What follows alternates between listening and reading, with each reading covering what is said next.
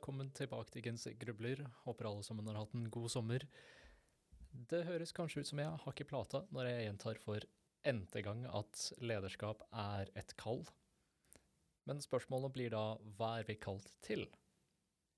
Pave Frans gir oss noen solide råd i Kristus Vivit.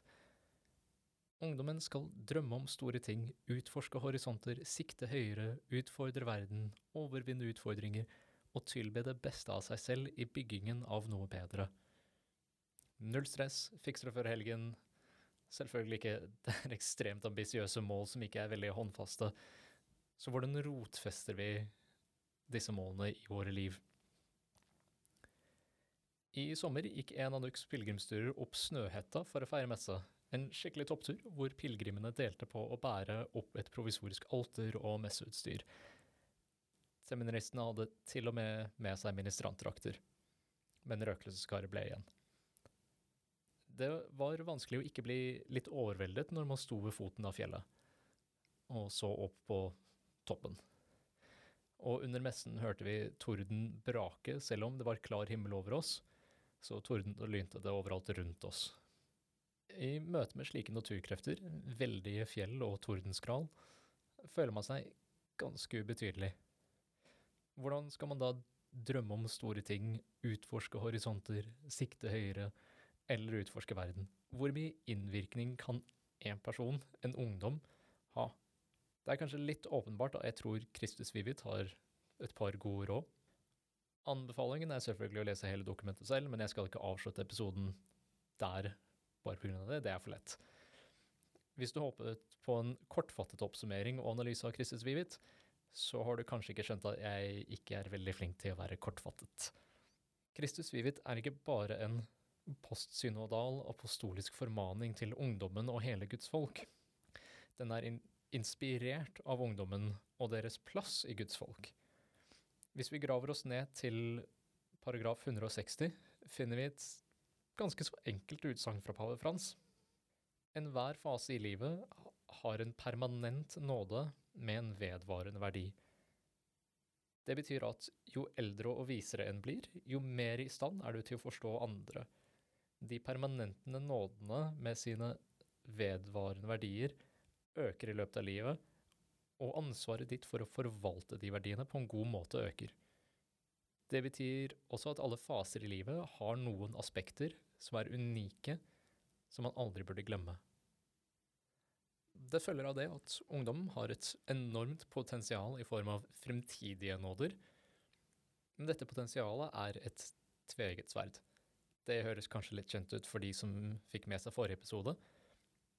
På den ene siden er det fantastisk om man fremkaller dette potensialet, på den andre siden kan man veie ned ungdommen med masse forventninger om hva de burde oppnå. Her finner vi kanskje hjertet av pave Frans fokus på imøtekommelse. Lev ditt liv på en måte som gjør det mulig for andre å oppnå sitt potensial.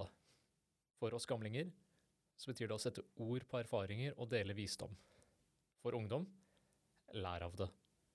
For gamlinger, vær ærlig om gleder, sorger, frykter, oppnåelser og feiltagelser, og kom i hu spenningen av å være ung.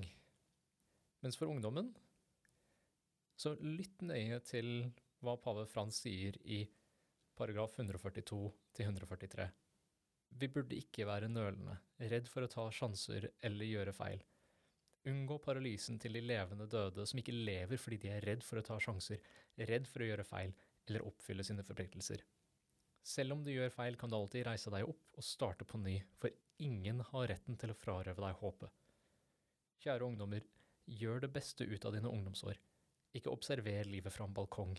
Ikke forveksle glede med en lenestol, eller lev livet bak en skjerm.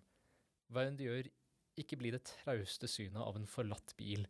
Ikke vær som en parkert bil, men drøm fritt og ta gode valg. Ta sjanser selv om det risikerer feiltagelser. Ikke lev et bedøvet liv eller som en turist. Skap litt bråk. Kast bort alle fryktene som paralyserer dere, så dere ikke blir unge mumier. Lev.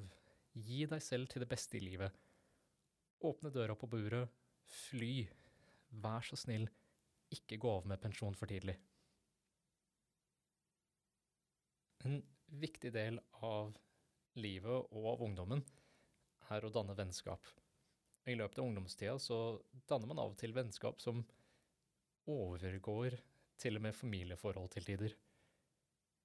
Pave Frans skriver i paragraf 152 Vennskap er ikke flyktig eller midlertidig forhold, men stabilt, fast, trofast og modner over tid. Et hengivent forhold som bringer oss sammen, og en kjærlighet som får oss til å søke det gode i vår venn.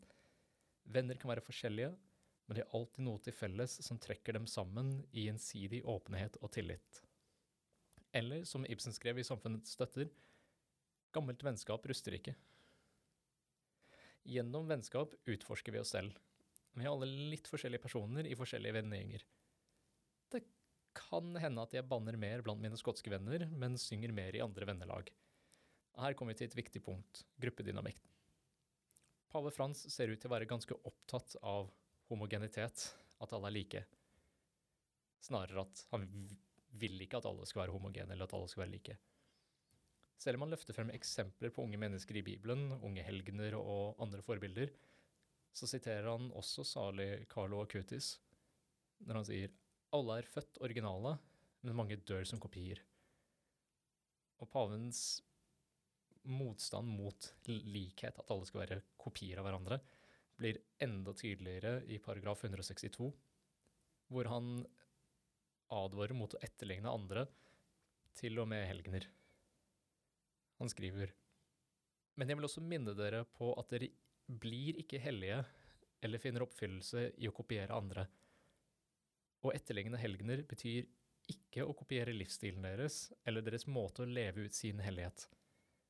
Det er noen vitnesbyrd som kan være hjelpsomme eller inspirerende, men det betyr ikke at vi skal kopiere, for det kan til og med lede oss på avveie fra den sti Herren har i tankene for oss. Du må oppdage hvem du er og utvikle din egen måte å være hellig, uansett hva andre måtte si eller tenke. Å bli en helgen betyr å bli mer deg selv. Å bli hva Herren ønsket å skape, ikke en kopi. Ditt liv burde være en profetisk impuls for andre og sette sitt spor på verden, det unike sporet som bare du kan etterlate. Hvis du bare kopierer noen andre, frarøver du denne jorden og himmelen noe ingen andre kan tilby. Dette er ikke en full analyse av Kristus Vivit. I all ærlighet så er dette et svært overflatisk blikk på det, og bare et par utsnitt som jeg syns er viktig å ta med seg til å begynne med. Men la oss gjenta spørsmålet fra introduksjonen. Hva er vi kalt til? Hvordan rotfester vi høytsvevende ambisjoner og forventninger i våre liv? Det er et frustrerende enkelt svar. Frustrerende fordi det er så åpenbart, men også så umulig. Ikke vær redd for å være deg selv. Og forsøk å hjelpe andre med å oppnå sitt potensial. Vi kommer tilbake til Kristus Vivit senere. Jeg har mer å si om det. Men akkurat til å begynne med syns jeg dette var en god